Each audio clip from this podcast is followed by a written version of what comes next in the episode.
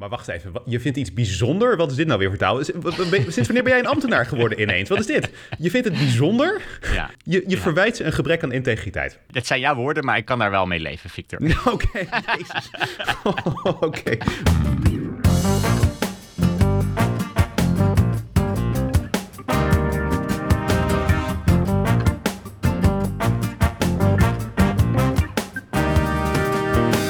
Welkom bij de Communicado's, aflevering nummer 34. En we hebben weer een leuke show voor je voorbereid. In deze aflevering gaan we het hebben over het abortusdebat en hoe de Nederlandse media hiermee omgingen afgelopen week. Dan, waarom eisen de Amerikanen de eer op voor alle Oekraïnse prestaties in de oorlog? Is dat terecht of niet? En het enige genre dat streamingsdiensten niet hebben veroverd. Vergeet je niet te abonneren en te recenseren als je dit een leuke podcast vindt, want dat stellen we natuurlijk enorm op prijs. Lars, jij bent er weer. Vorige week toen we dat opnemen waren, was je nog in eh, Bulgarije. Je bent eh, Ja. teruggekomen per vliegtuig. Heb je de chaos op Schiphol overleefd? Ja, wat een puinzooi was het op Schiphol. Ik zag daar woedende mensen die aan het schreeuwen waren, die elkaar verdrukten. En mensen die ook weg werden gevoerd omdat ze aan het flauwvallen waren. Het, het was me wat op Schiphol. Dat eh, klinkt heftig inderdaad, ja. Ja, maar ik, ik heb dan. Milena doet dan iets wat ik niet echt durf of, of doe.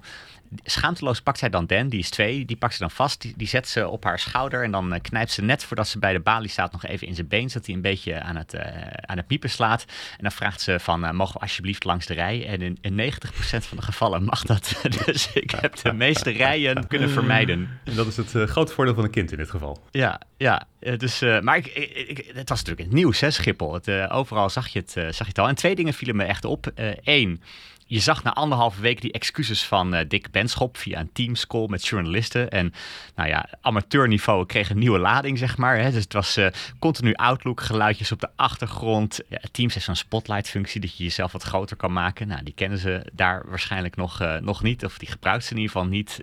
Je zag wat journalisten wat slaapverwekkend in beeld volgen wat er gezegd werd. Maar dat, dat, die communicatie vond ik al niet zo lekker. Maar wat me eigenlijk echt opviel is het tweede. Dat de Telegraaf, die vloog er echt wel met eh, gestrekt been in tegen Dick Benschop. Want de boodschap die je afgelopen week in de Telegraaf zag was... eh, Dick Benschop faalt, ontsla die man en geef zijn baan aan Pieter Elbers. Hè. Dus, eh, ja, want Dick Benschop is de baas van eh, eh, Schiphol, even voor de duidelijkheid. Klopt, Eh, klopt. Ja, ja. en eh, met name de luchtvaartjournalist de Jong. Die was overal te zien en te horen in de krant, op de radio en tv met die boodschap. En het belangrijkste verwijt was ook van haar op een gegeven moment dat eh, Dick Benschop een week lang onzichtbaar was. En ik dacht, ja, op zich ben ik het er wel mee eens. Want ik zag inderdaad die excuses, dat duurde anderhalve week. Waarom duurde dat zo lang? Ik ben er toch eens ingedoken en ik heb eh, mensen gesproken binnen zowel Schiphol als de Telegraaf. Die overigens wel anoniem willen blijven. Dus, eh, maar ik heb het wel uit eerste hand, wat ik, eh, wat ik je nu vertel. mhm. En hoe is het nou gegaan achter de schermen? En dit bevestigen ze wel van alle kanten. Op de zondag, eigenlijk direct aan het begin dat het misging op Schiphol, deed de Telegraaf een interviewverzoek. Want ze zeiden van, mogen wij niet Dick Benschop spreken over wat er misgaat bij, eh, bij Schiphol? En nu moet je weten dat het niet echt botert tussen Schiphol en de Telegraaf. De Telegraaf wil eigenlijk al vier jaar lang een groot interview en dat krijgen ze maar niet. En andere media krijgen wel primeurs. Nou, als je de Telegraaf boos wil maken, dan eh, is dat hoe je dat eh, doet. Maar de week vorderde op een gegeven moment. De Telegraaf die wilde toch echt wel graag iets, iets mee doen. Vrijdagochtend zegt ze echt, en nu willen we dat interview. En dan zegt de voorlichter van Schiphol tegen hen, even tussen jou en mij, Dick Benschop heeft corona. Hmm. Oké, dus de reden dat hij niet zichtbaar is, is omdat hij ziek op bed ligt. Ja, ja. En eh waarop de Telegraaf zei van ja, laat hem dan via Teams maar wat zeggen. dan hoeven we niet fysiek af te spreken. Mhm. Ehm, maar later op eh, die avond kwam er een groot stuk Maar weet je of hij echt ziek is dan? Want ik bedoel, dat, eh, als je echt ziek op bed ligt, dan is het natuurlijk ook moeilijk om überhaupt een interview te Ja. geven. Die indruk kreeg ik wel. Ik weet niet precies hoe ziek die was. Dat moet hij zelf maar een keer aangeven hoe ziek die echt is geweest. Maar hij was wel flink ziek, begrijp ik. Het was, niet een, het was niet zonder symptomen.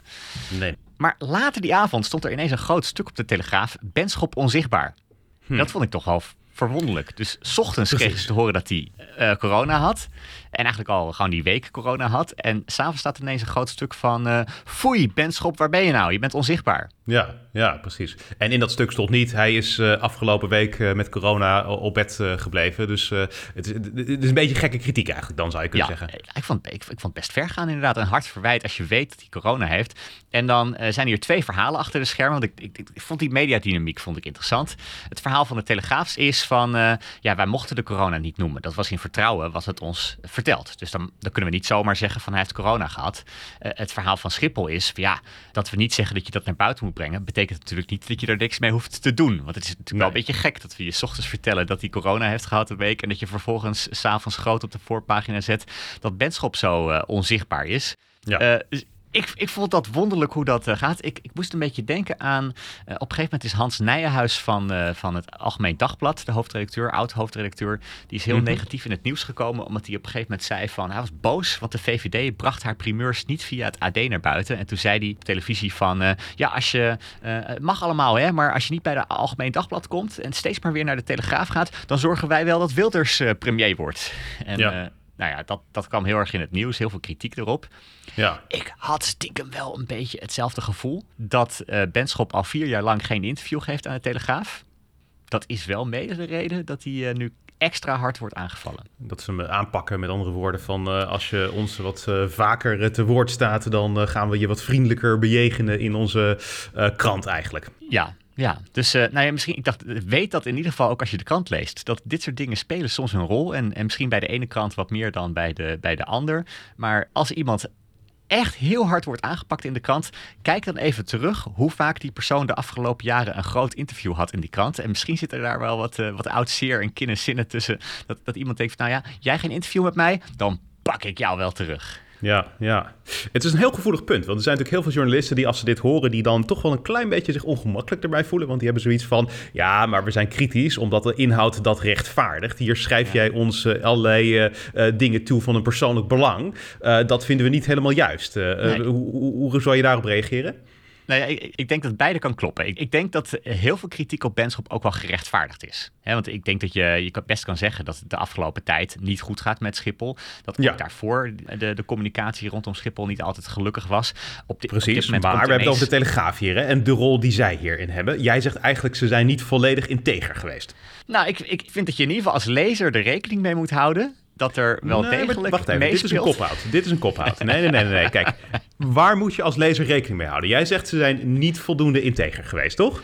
Ik vind het bijzonder dat wel een hele grote rol lijkt te spelen. Maar wacht even, ook wel je vindt iets bijzonder? Heeft. Wat is dit nou weer vertalen? Sinds wanneer ben jij een ambtenaar geworden ineens? Wat is dit? Je vindt het bijzonder? Ja. Je, je ja. verwijt ze een gebrek aan integriteit. Dat zijn jouw woorden, maar ik kan daar wel mee leven, Victor. Oké, Oké, nou, we zijn eruit, eh, dames en heren. Laten we snel uh, naar uh, andere onderwerpen gaan. Het, het, abortusdebat, dat heeft deze week het nieuws gedomineerd. Want er is een conceptarrest uitgelekt van het Amerikaanse Hooggerechtshof. En als dat arrest daadwerkelijk ook, nou niet alleen een concept is, maar het daadwerkelijke arrest wordt, dan zou dat betekenen dat er geen federaal recht meer is op abortus. Dat is er wel sinds 19 1973 en de befaamde zaak Roe v. Wade. Als dat komt te vervallen, dan betekent het dat staten zelf mogen beslissen wat voor abortuswetgeving zij hanteren. En dat zal bijvoorbeeld betekenen dat uh, New York en Californië, dat zijn hele progressieve staten, die zullen een heel ruim abortusbeleid hanteren. En uh, sommige staten zoals Texas, maar ook Oklahoma, Alabama, noem het maar op, die zullen een waarschijnlijk heel restrictief abortusbeleid gaan voeren. Dat is iets wat groot in de Nederlandse media uh, kwam deze week. Natuurlijk ook groot in de Amerikaanse media. Uh, je zou inderdaad zeker kunnen zeggen dat voor Amerika dit inderdaad wel een grote stap is. Want abortus is een hele grote splijtswam. En ook echt al een hele lange tijd in de Amerikaanse politiek. Dus ik begrijp dat het uh, groot nieuws is in de Verenigde Staten. Ik zat me soms wel af te vragen of het nou echt gerechtvaardigd is dat het ook zulk groot nieuws was in Nederland. Gaan we het zo dadelijk wel even over hebben. Maar ik wil het ook vooral even hebben over hoe in Nederland hier werd gekeken naar deze uitspraak in Amerika. En vooral welke frames er in de media-aandacht, in de berichtgeving uh, aan ten grondslag lagen. En er zijn vier frames die ik hier even wil bespreken, waarvan ik denk van, nou, ik vind het wel interessant om te zien dat er op die manier naar zaken wordt gekeken. Heb jij het een beetje gevolgd trouwens? Wat vond jij ervan? Wat is jouw eerste indruk uh, van dit nieuws? Ja, ik, ik, ik, volg het natuurlijk. Ik heb wel vaak het gevoel dat wel heel erg nadrukkelijk wordt gekeken wat er in Amerika speelt. En dat dat in één keer één op één dan in Nederland wordt doorgegeven.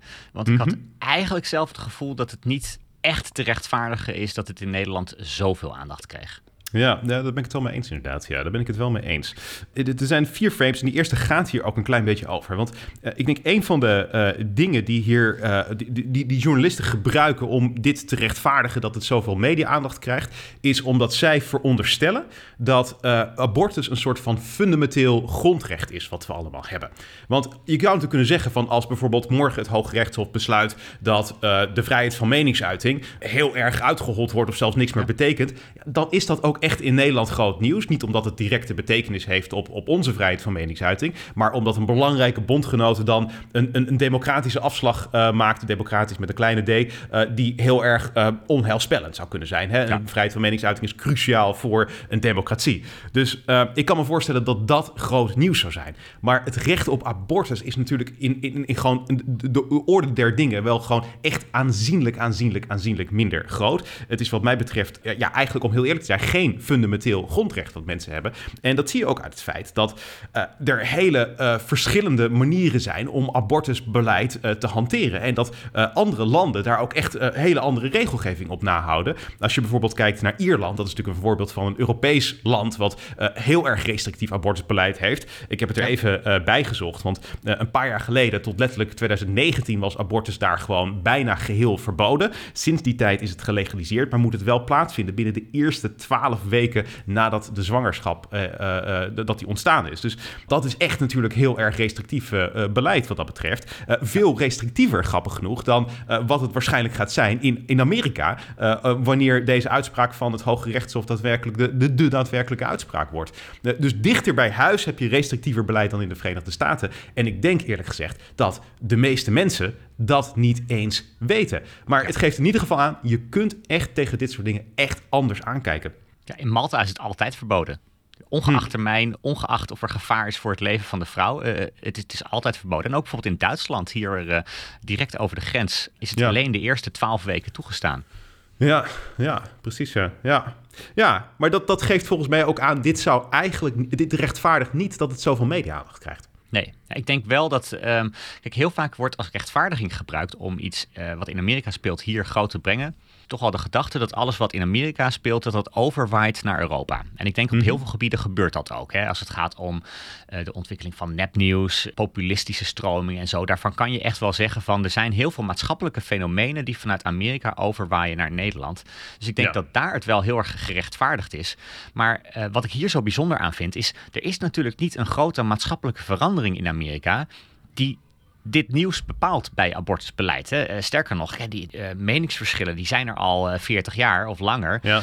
Uh, die verhoudingen veranderen ook niet enorm. Er is nee. niet een enorme maatschappelijke verschuiving in Amerika. Er is een juridische verschuiving. Ja. Maar het is onwaarschijnlijk dat. Kijk, in Amerika zie je volgens mij nu dat een conservatieve minderheid de progressieve meerderheid de wil op wil leggen. Dat gebeurt op heel veel uh, uh, manieren al langer. Maar het is niet zo dat er nu ineens de dreiging is in Nederland. dat, dat we straks activistische rechters hebben die het recht op abortus um, gaan inperken. Nee, en ook in Amerika zie je dat er heel veel discussie is van als het eh, recht op abortus nu wordt uh, ingeperkt of als dat geen federaal recht meer is, zou dat ook bijvoorbeeld kunnen betekenen dat het homohuwelijk wordt uh, afgeschaft of dat zelfs interracial marriage verboden wordt.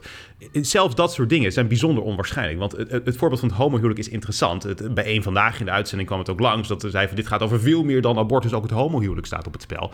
Ja, dat vind ik wel echt een heel andere situatie. En de reden dat het anders is, omdat abortus altijd controversieel is geweest. Er is nooit groot draagvlak geweest voor abortus. Het is bijna altijd een 50-50 uh, kwestie geweest in de peilingen.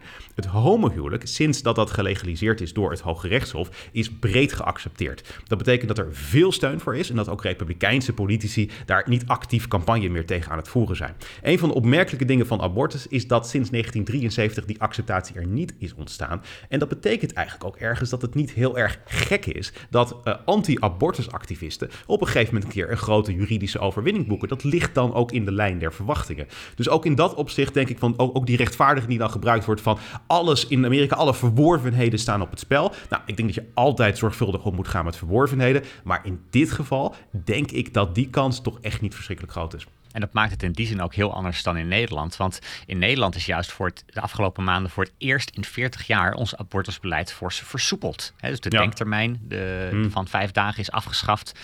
En met grote steun ook. Hè. In de Tweede Kamer waren, ik heb het even opgezocht, 101 Kamerleden voor, 38 tegen. not even close. Hè?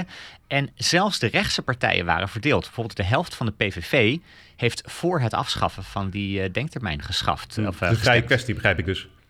Absoluut. Ja, en ook bij de abortuspil, bij de huisarts, hè, daar, die is ook nu uh, goedgekeurd. Dus dat maakt het volgens mij extra onwaarschijnlijk dat dit iets is wat uit Amerika gaat overwaaien in Nederland. Want in Nederland zien we juist een tegenovergestelde trend. Ja, waarom denk jij dat het in de Nederlandse media dan zo groot is? Want het was echt groot. Het was het tweede uh, item in het 8 uur journaal afgelopen week. Uh, je zag in alle talkshows dat er over werd uh, gesproken.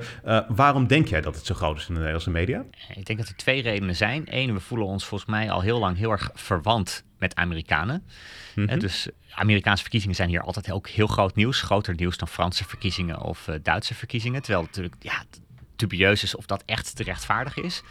En twee, iedereen kan Amerikaanse kranten en Amerikaanse media lezen. Ja.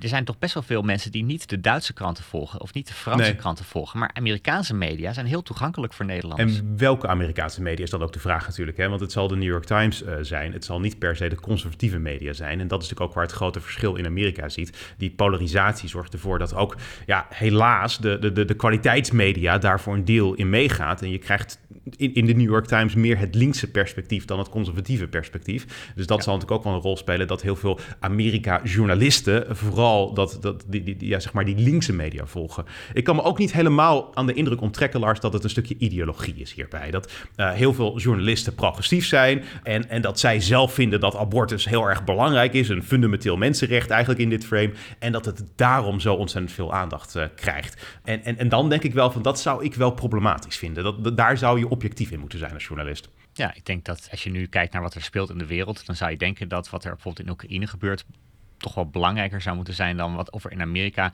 misschien, Ja. want het is nog niet eens gebeurd, hè?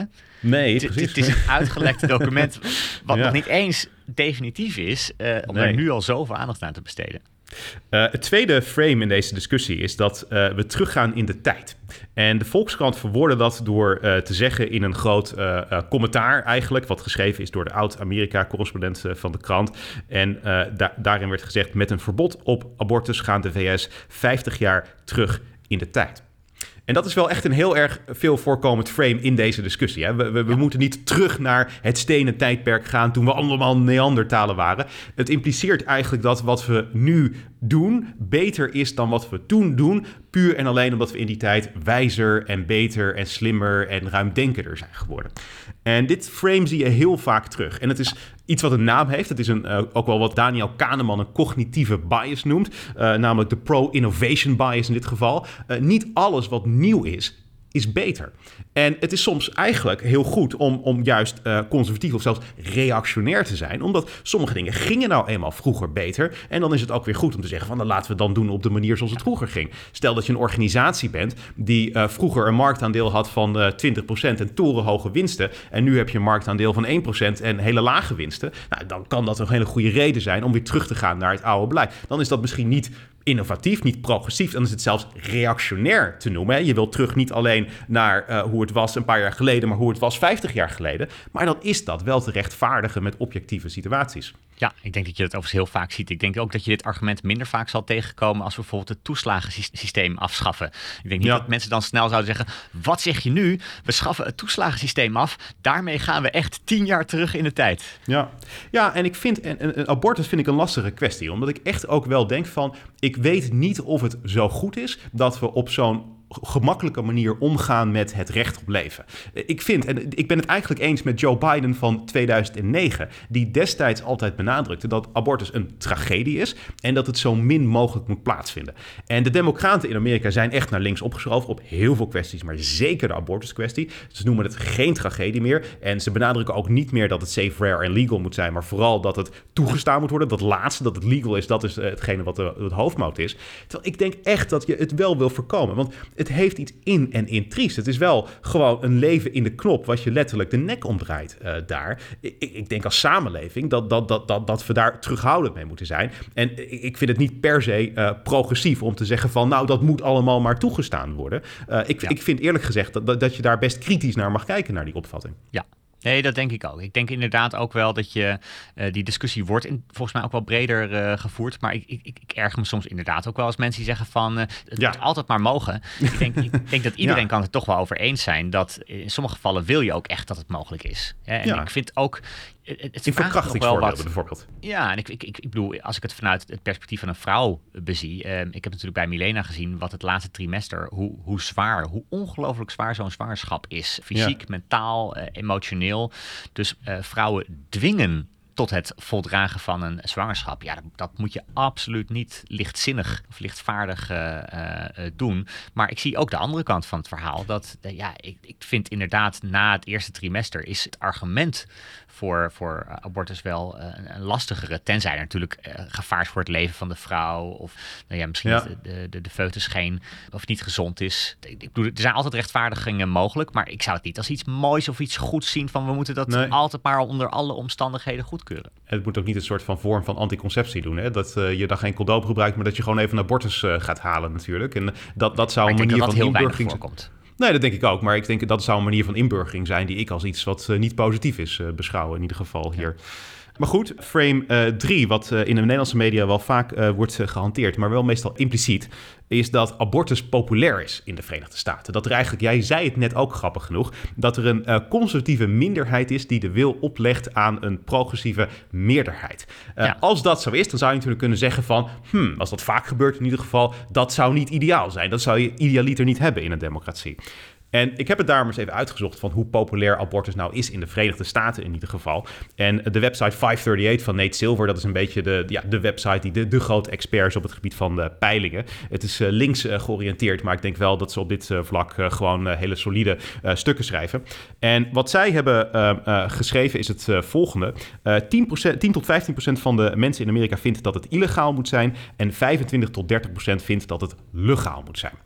maar wat zij zeggen, de overige 55 tot 60 procent, die zit er eigenlijk tussenin. En daar gaat het om. Want abortus, om dat helemaal te willen toestaan, ja, dat is natuurlijk wat wij net ook bespraken, een hele verregaande propositie. En het helemaal af willen schaffen is ook een hele verregaande hm. propositie. Want dan zou je zelf zeggen in gevallen van verkrachting en incest en wanneer het leven van het moeder op het spel staat, zou je het ook niet toestaan. Dat gaat natuurlijk ook echt extreem ver. Dus de meeste mensen die zitten daar ergens uh, tussenin. En je ziet dat er over het algemeen vrij veel steun is voor beperkingen. Dus eigenlijk ook wat wij net zeiden van ja, op zich het toestaan in sommige gevallen is logisch, maar daar moeten beperkingen aan zitten. Dat kunnen beperkingen zijn over wanneer het is uh, toegestaan. 60% van de Amerikanen vindt dat het bijvoorbeeld toegestaan moet zijn in het eerste trimester, maar het tweede trimester heeft bijvoorbeeld maar de steun van 28% van de Amerikanen. Dus daar zie je al een heel groot uh, verschil.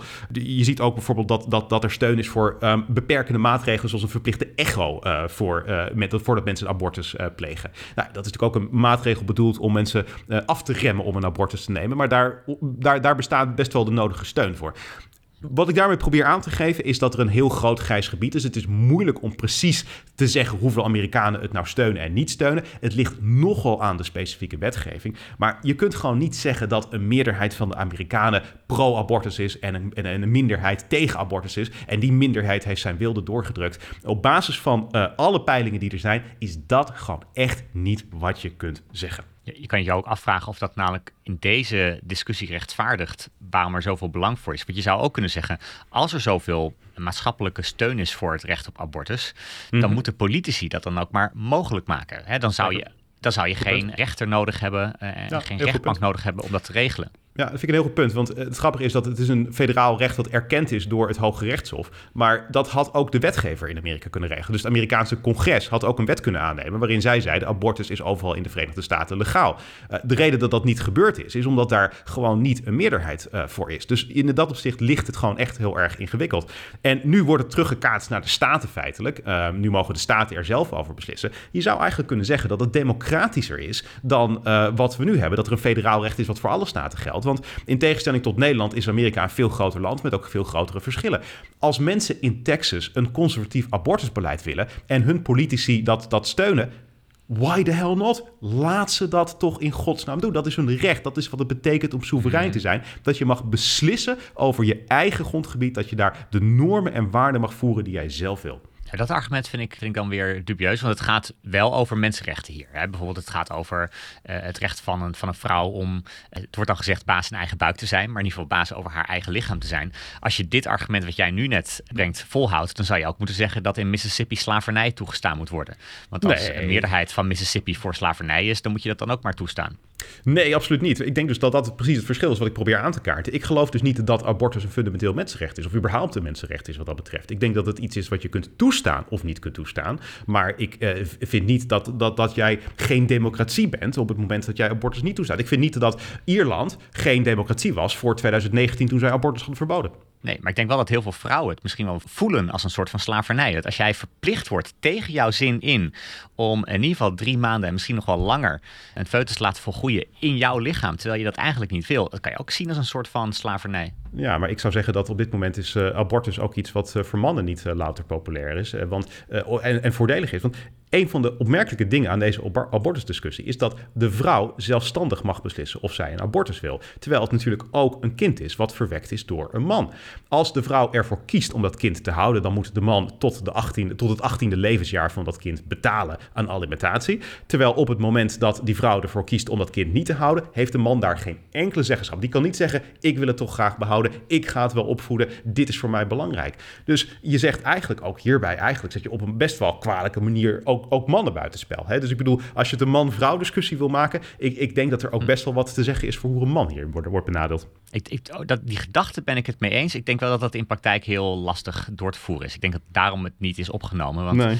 dan krijg je al heel snel een situatie dat een man een soort van vetorecht krijgt. Of dat je, dat je mensen verplicht om samen gesprek te voeren. Terwijl eh, als het, eh, zeg maar een verkrachting is geweest of, of, of iets wat daar misschien in Ja. de buurt komt. Hè, in ieder geval niet iets wat, eh, wat vrijwillig is geweest. Dan, dan wil je natuurlijk niet als samenleving die mensen ook nog eens dwingen om eerst een gesprek te voeren voordat er een mogelijkheid komt tot abortus. Dus ik, ik snap Nee. wel waarom daar die rol van de vader klein is gemaakt in ons stelsel. De laatste die sluit hier eigenlijk wel mooi op aan. En dat is dat abortus een eh, vrouwenzaak zou zijn waar mannen zich niet mee moeten bemoeien. Eh, Jan Paternotte, D66-fractievoorzitter, die had het er ook over toen die eh, conceptbeslissing was uitgelekt. Hij zei op Instagram, ah, daar heb je weer een stel mannen die over vrouwen aan het beslissen zijn. En ook Kamala Harris, de Amerikaanse vicepresident, heeft een speech gegeven deze week waarin zij zei, en ik citeer, How dare they tell a woman that she, what she can and cannot do with her own body. Nou, heel veel verontwaardiging eh, daar. Interessant om dat te zien. Dus er wordt echt een, soort van tweestrijd gecreëerd, mannen versus vrouwen. Ja, dat is kritiek op ons, Victor. Ehm, hoezo?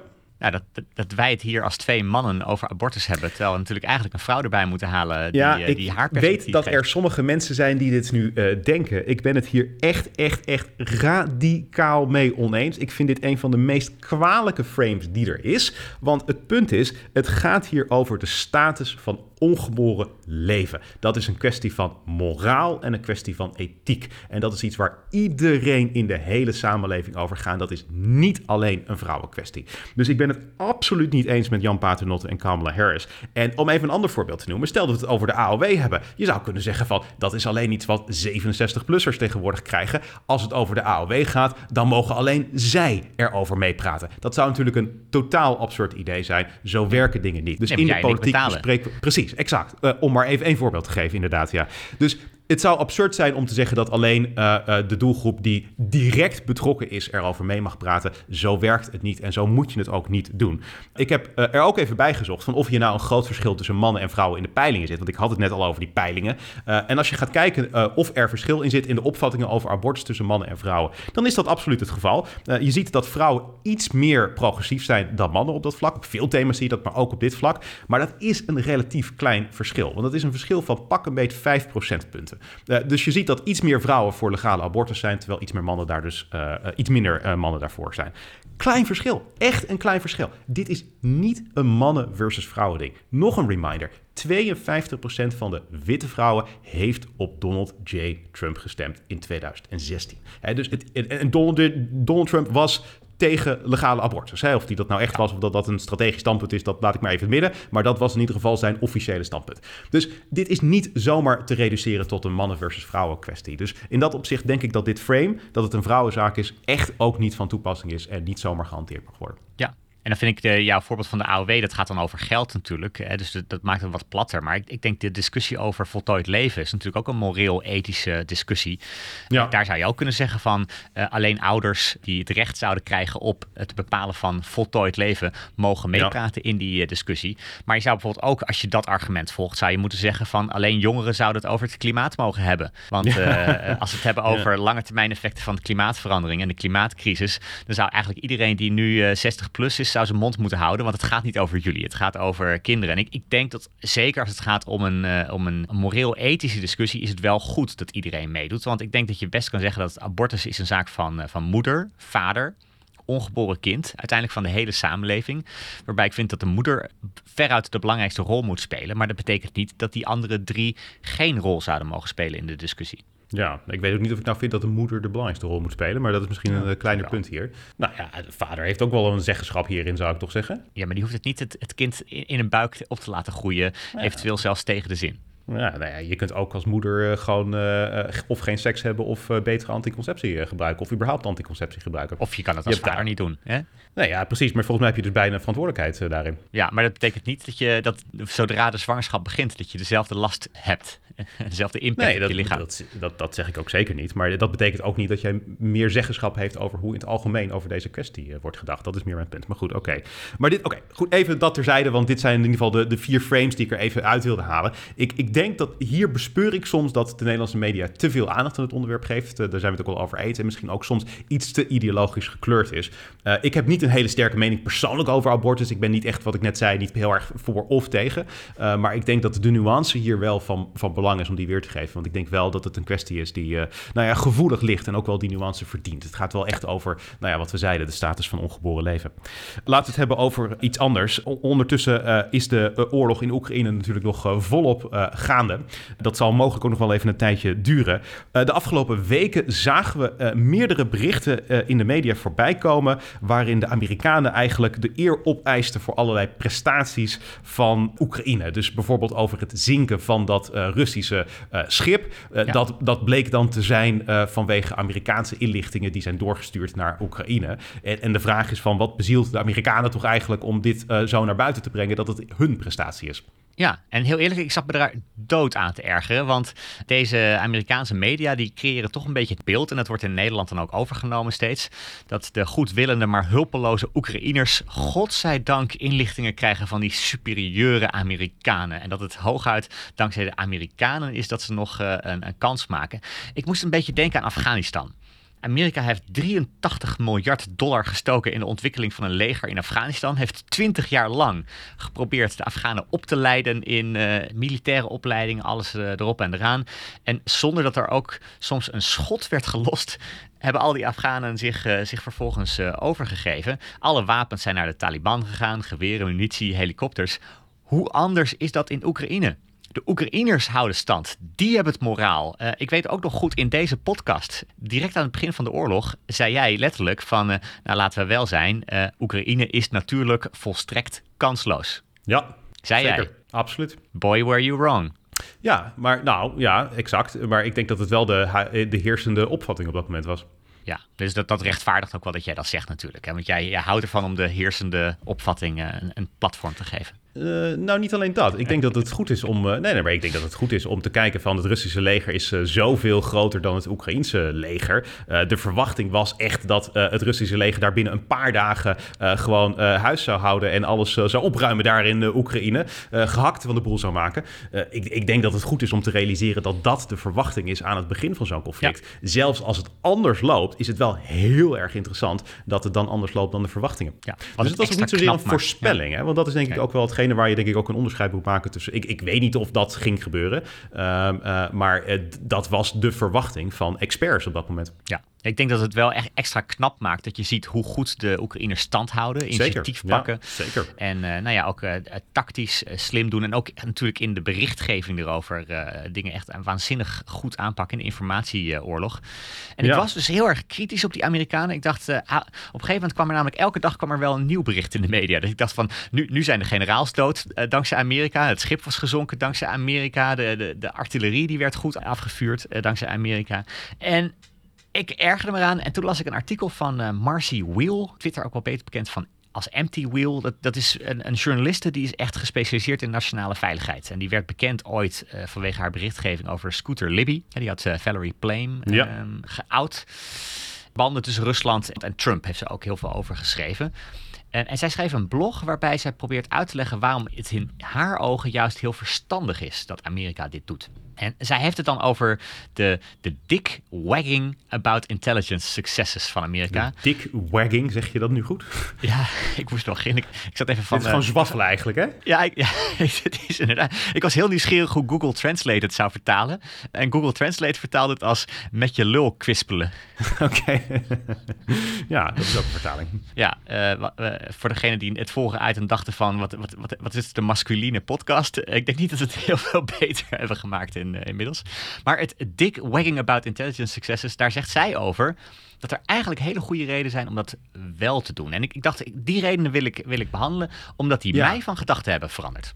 Want de kritiek die hoorde je ook wel de afgelopen dagen in de Amerikaanse media. Hoor. Want er waren ook heel veel eh, zeg maar oud eh, leger, generaals en zo... die dan als analist verschijnen bij eh, CNN, MSNBC. En die zeiden ook wel van hier zouden ze mee moeten stoppen. De regering Biden brengt dit naar buiten omdat ze in het begin kritiek kregen... voor het feit dat ze niet genoeg deden om Oekraïne te steunen. Toen ze realiseerden dat het populair was, moesten ze laten zien wat ze deden. En daarom brengen ze nu dit soort dingen naar buiten. Maar hiermee riskeren ze escalatie. Namelijk dat Rusland gaat denken van... hé, hey, de Verenigde Staten en Oekraïne zijn wel heel erg close... Misschien eh, moet Rusland iets doen jegens de Verenigde Staten. En dan Ja. word je ineens in dit conflict op een manier erin gezogen dat het eh, nog veel meer ellende oplevert. Ja, eens. En dat was inderdaad ook wel mijn gevoel hoor. Ik dacht echt, dit is echt heel verstandig of onverstandig.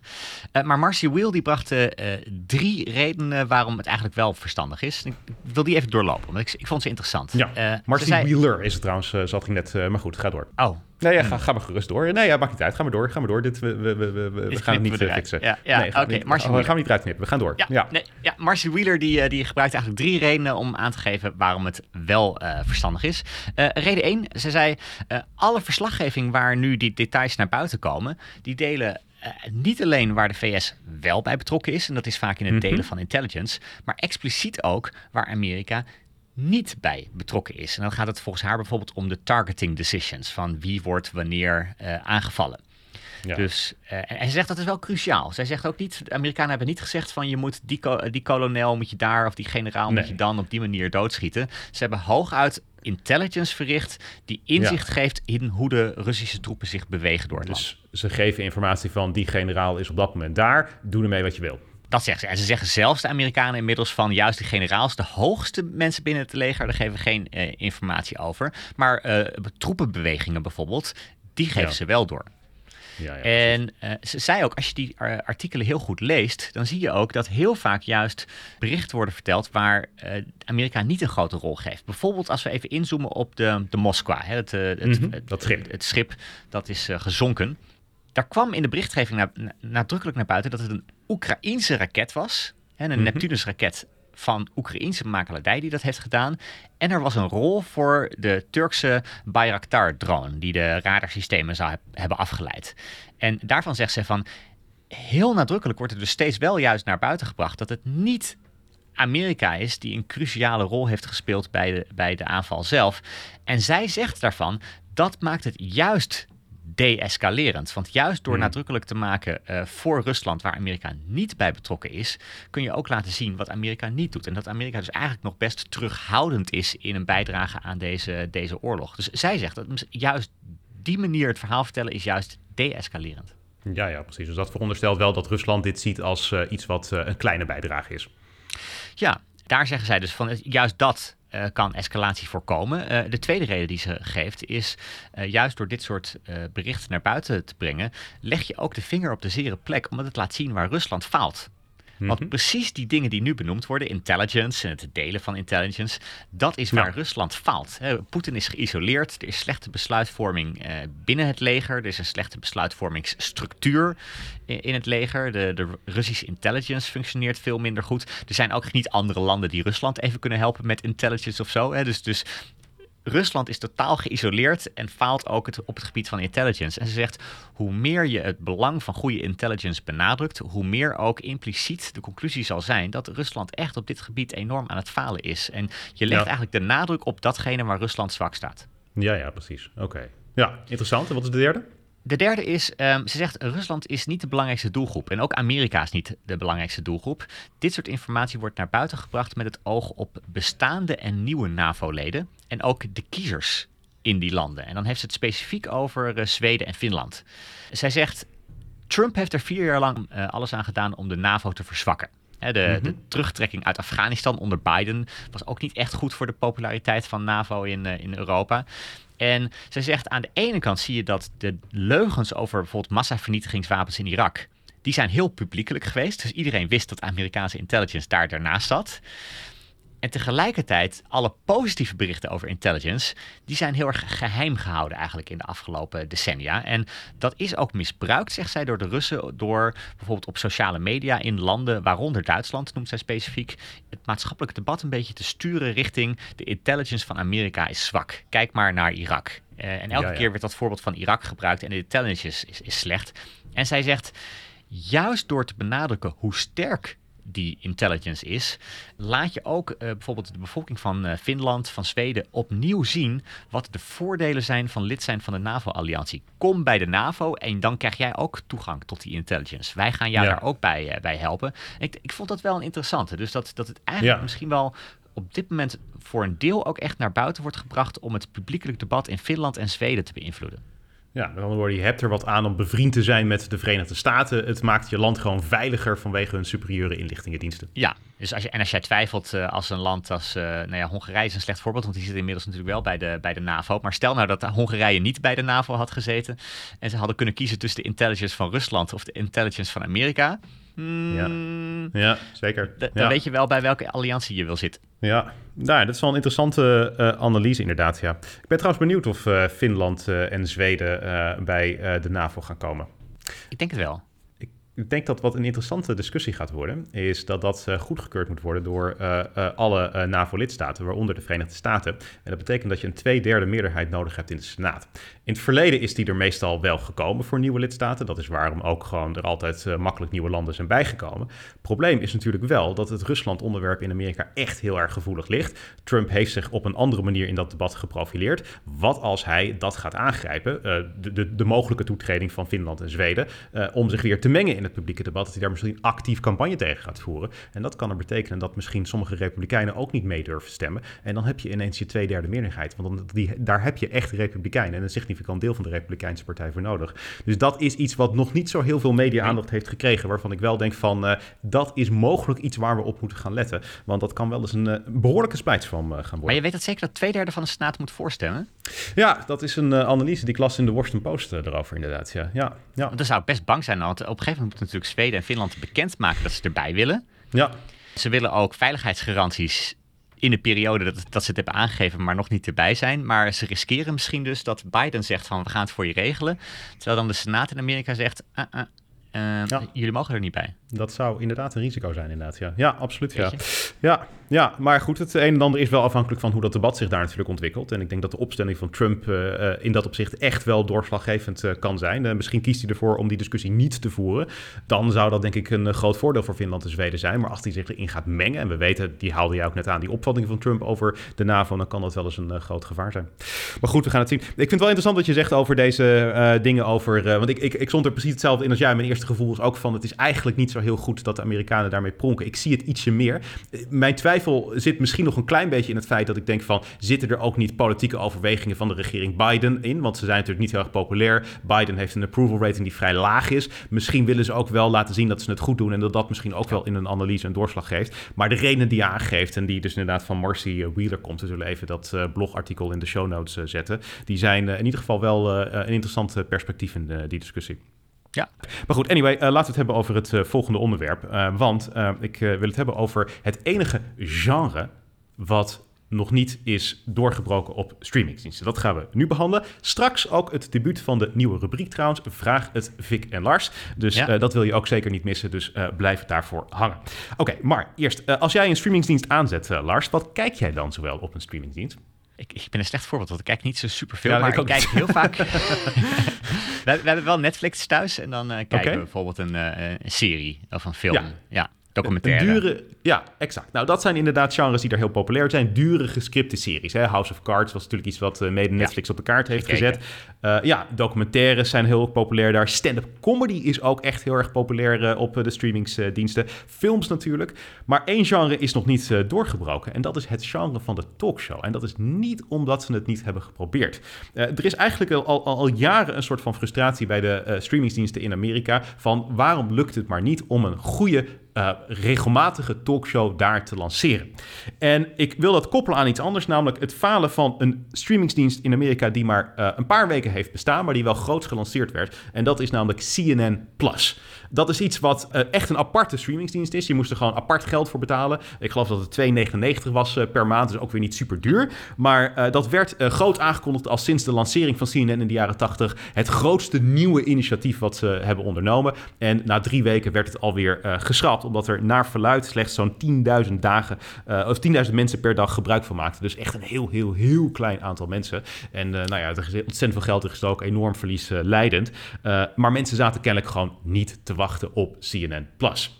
Ik kan me ook wel voorstellen, je hebt niet eens toegang tot CNN, grappig genoeg. Want ik dacht, ergens is het misschien handig om, als ik dan mijn kabelabonnement opzeg, om dan toch nog wel CNN te kunnen kijken. Maar je hebt dus nog niet eens het echte CNN-kanaal. Je krijgt alleen maar de extra content die ze produceren. Hadden ze wel grote namen zoals Chris Wallace voor aangetrokken. Maar ja, nog steeds is het niet zeg maar het echte CNN. Ik maak even een snelle rekensom. Maar als er 10.000 luisteraars zijn die 3 dollar betalen voor één maand, dan heeft het dus 30.000 dollar opgeleverd. Maar het heeft volgens mij iets van 300 miljoen dollar gekost, toch?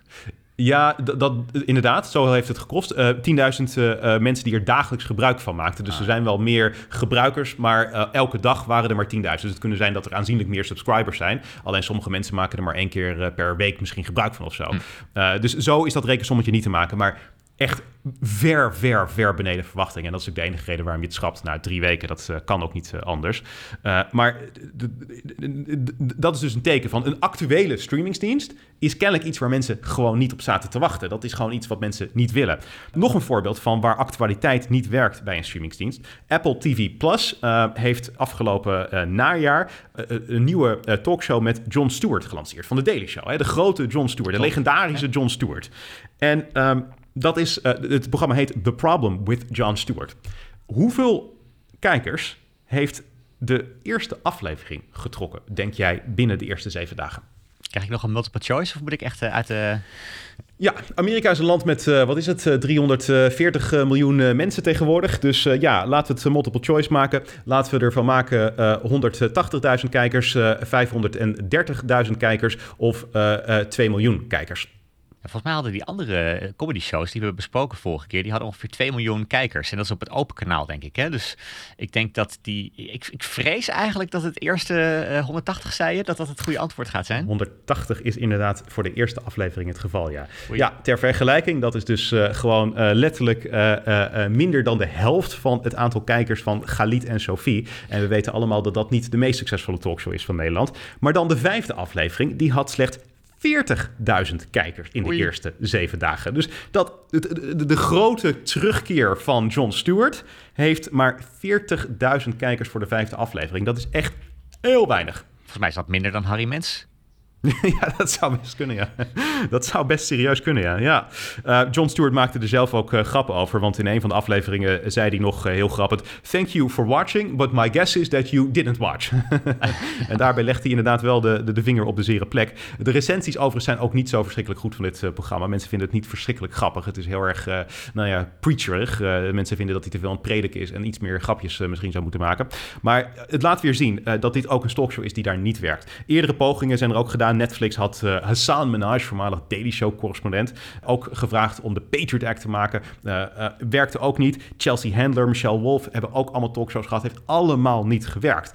dus dat is eigenlijk heel erg interessant. Over het algemeen zie je dat streamingsdiensten op één vlak niet goed scoren. En dat is dat alles wat te maken heeft met praatprogramma's en actualiteit. En dat zegt misschien mogelijk wat over de manier waarop mensen dit medium gebruiken. Want elk nieuw media wordt natuurlijk ook weer, of elk nieuw medium moet ik eigenlijk zeggen, heeft nieuwe regels. Hè? Dus uh, ook in het begin van het televisietijdperk werd er vooral radio op televisie gemaakt. En later pas gingen ze beseffen wat uiteindelijk de kracht van beeld is en hoe ze dat konden benutten. Je ziet nu ook dat echt die grote mediabedrijven aan het worstelen zijn met wat is nou streaming en wat is nou weer lineaire televisie. En misschien zou je kunnen zien dat de consument streamingsdiensten ziet als een soort van digitale uh, videotheek. Dus uh, je gaat daarheen voor de dingen uh, zoals films en series en documentaire die tijdloos zijn, die je ook vroeger uit de videotheek had kunnen halen. En dat is anders dan bijvoorbeeld lineaire televisie. Als, als bijvoorbeeld mensen Netflix aanzetten, blijkt uit onderzoek, dan weten ze nog helemaal niet wat ze gaan kijken. Ze, gaan, ze willen gewoon ze willen iets op Netflix kijken en dan gaan ze gewoon eens even browsen en dan komen ze wel ergens uit.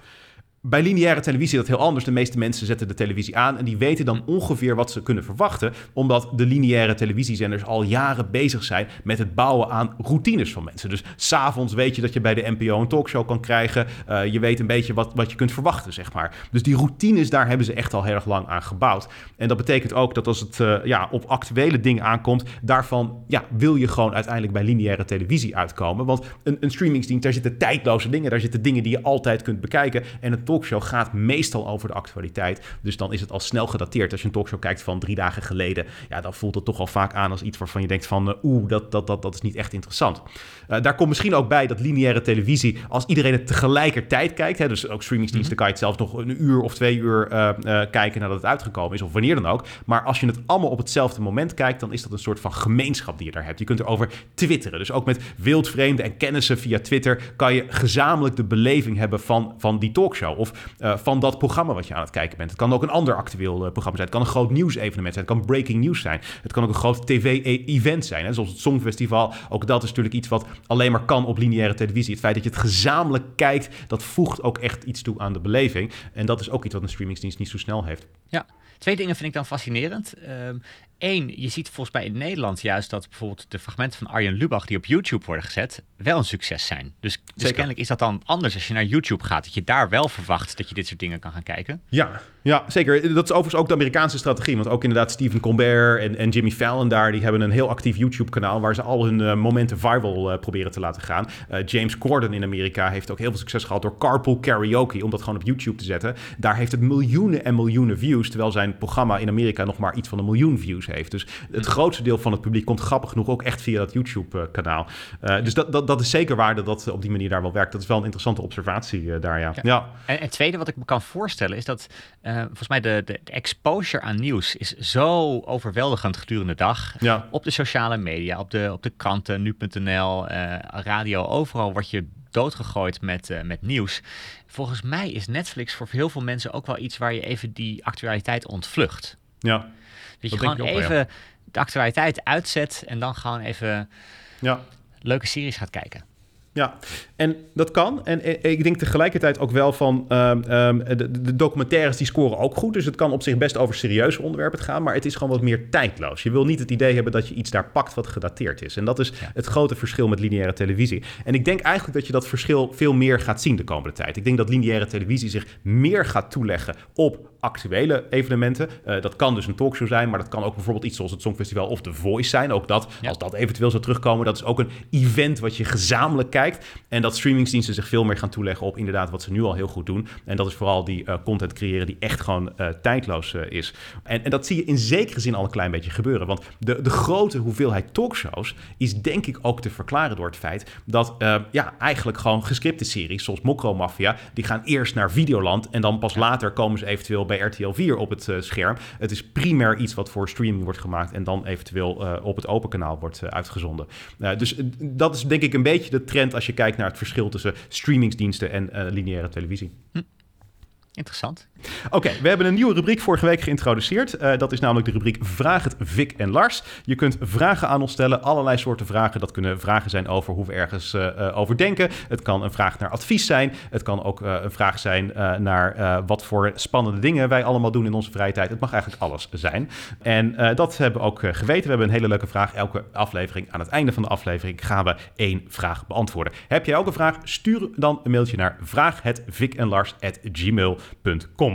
De vraag van deze week komt van Daan de Jong. Hij schrijft: Hoi Victor en Lars, ik ben heel benieuwd naar het volgende. Hoe zorg je dat je als laagopgeleide minister-president wordt? Ik ben hier benieuwd naar omdat ik ooit van Victor een debattraining voor MBO'ers heb gevolgd in het gemeentehuis van Rotterdam. Erg leuk en leerzaam, maar ik vraag me af in hoeverre je dit als MBO'er verder brengt. Keep up the good work en ik hoor het wel bij de volgende podcast.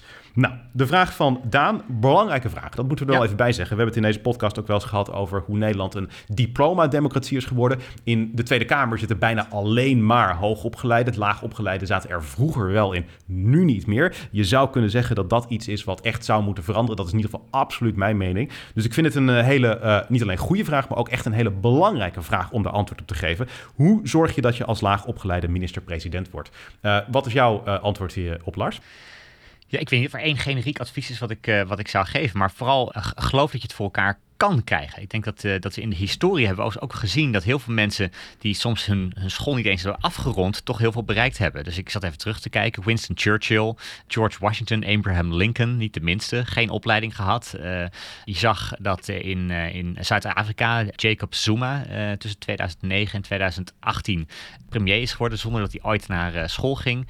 Jan Marijnissen had wel natuurlijk zijn opleiding afgemaakt, maar ook niet hoger opgeleid. Dus geloof erin dat heel veel kan. Hè. Dit zijn mensen die de historie, uh, in ieder geval als het gaat over Churchill, Washington en Lincoln, de historie ja. hebben veranderd. En, en daar is het dus ook niet echt iets wat je nodig hebt. Dus ik, ik zou zeggen van, van om te beginnen, geloof ook in wat je, wat je wel kan. Ik, ik, ik, herinner me nog dat jij een keer, waar was dat? Over bij sollicitatiegesprekken was dat ook. Dat je, dat je mm -hmm. zei van je moet, je moet niet, uh, of nee, bij dating zei je het volgens mij. Bij, uh, dat je, je, moet, je, moet, je moet niet de, de nadruk steeds leggen op wat je, wat je niet kan, maar nee, uh, proberen te geloven in die dingen die jou bijzonder maken. En wat jou ja. bijzonder maakt, dat is zelden je opleiding.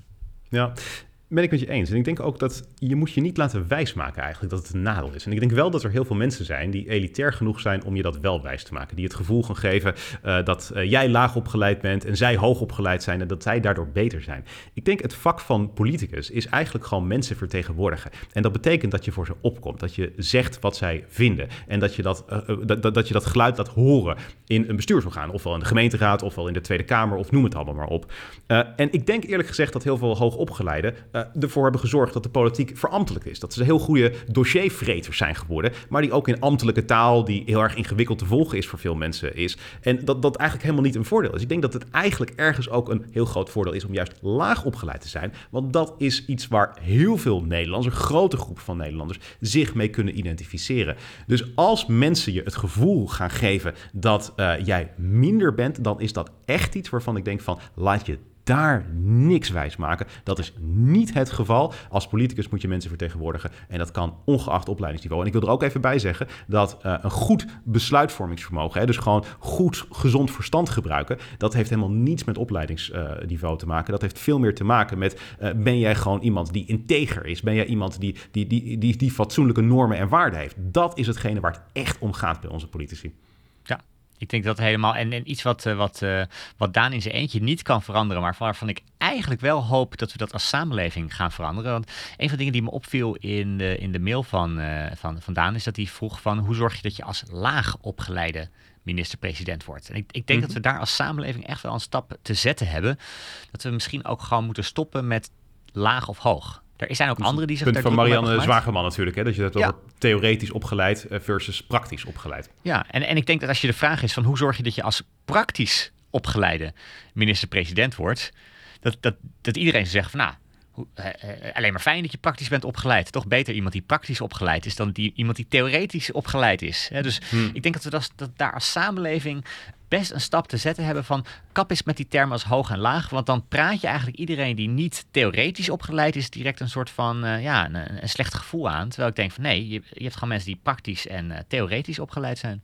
Ja, precies. Ja. Er is gewoon verschil uh, tussen mensen inderdaad. Ja. En dat uh, is niet iets waar je inderdaad een oordeel aan moet uh, koppelen.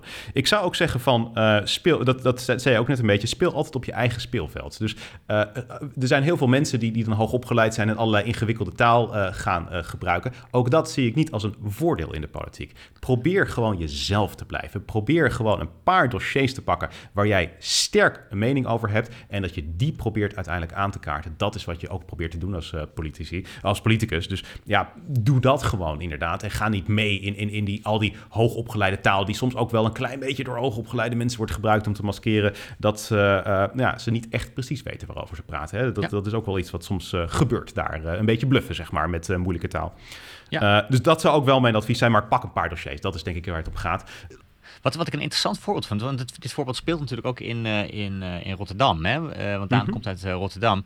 Ahmed Abu Taleb wordt genoemd als toekomstige minister-president. Heeft de MTS gedaan, later ook de HTS, de Hogere Technische School. Mhm. Maar hij heeft ook geen universitaire opleiding of zo. Nee. Nee, precies. Nee, nee. Nee, exact. Nou ja, kijk, ik zou dus hopen dat, uh, dat, dat, dat het uh, lukt. Uh, nogmaals, ik denk dat wij als samenleving daar echt ongelooflijk veel baat bij hebben. Dat er in ieder geval veel meer uh, politici uh, laag opgeleid zijn. Dus wat dat betreft, uh, Daan, dank je wel voor je vraag. en ik, ik, kan me hem herinneren, want die training waar hij het over had in zijn mailtje, die was een paar maanden geleden. Die was ook in het gemeentehuis, niet alleen het gemeentehuis, maar de raadzaal van Rotterdam. En het grappige was, Abu Talib, die je net aanhaalde, Lars, die was ook even daar langsgekomen om daar even te kijken wat we daar aan het doen waren met die training. Wel grappig. Abu Talib is altijd wat dat betreft een goede burgemeester. Die doet dat soort dingen altijd fantastisch. Maar goed, Daan, dank je wel voor je vraag. Goed, dat was weer voor deze week. Vergeet je niet te abonneren en te recenseren als je dit een leuke podcast vindt. Eh, tot zover deze aflevering. Een hele fijne dag. Hoi hoi.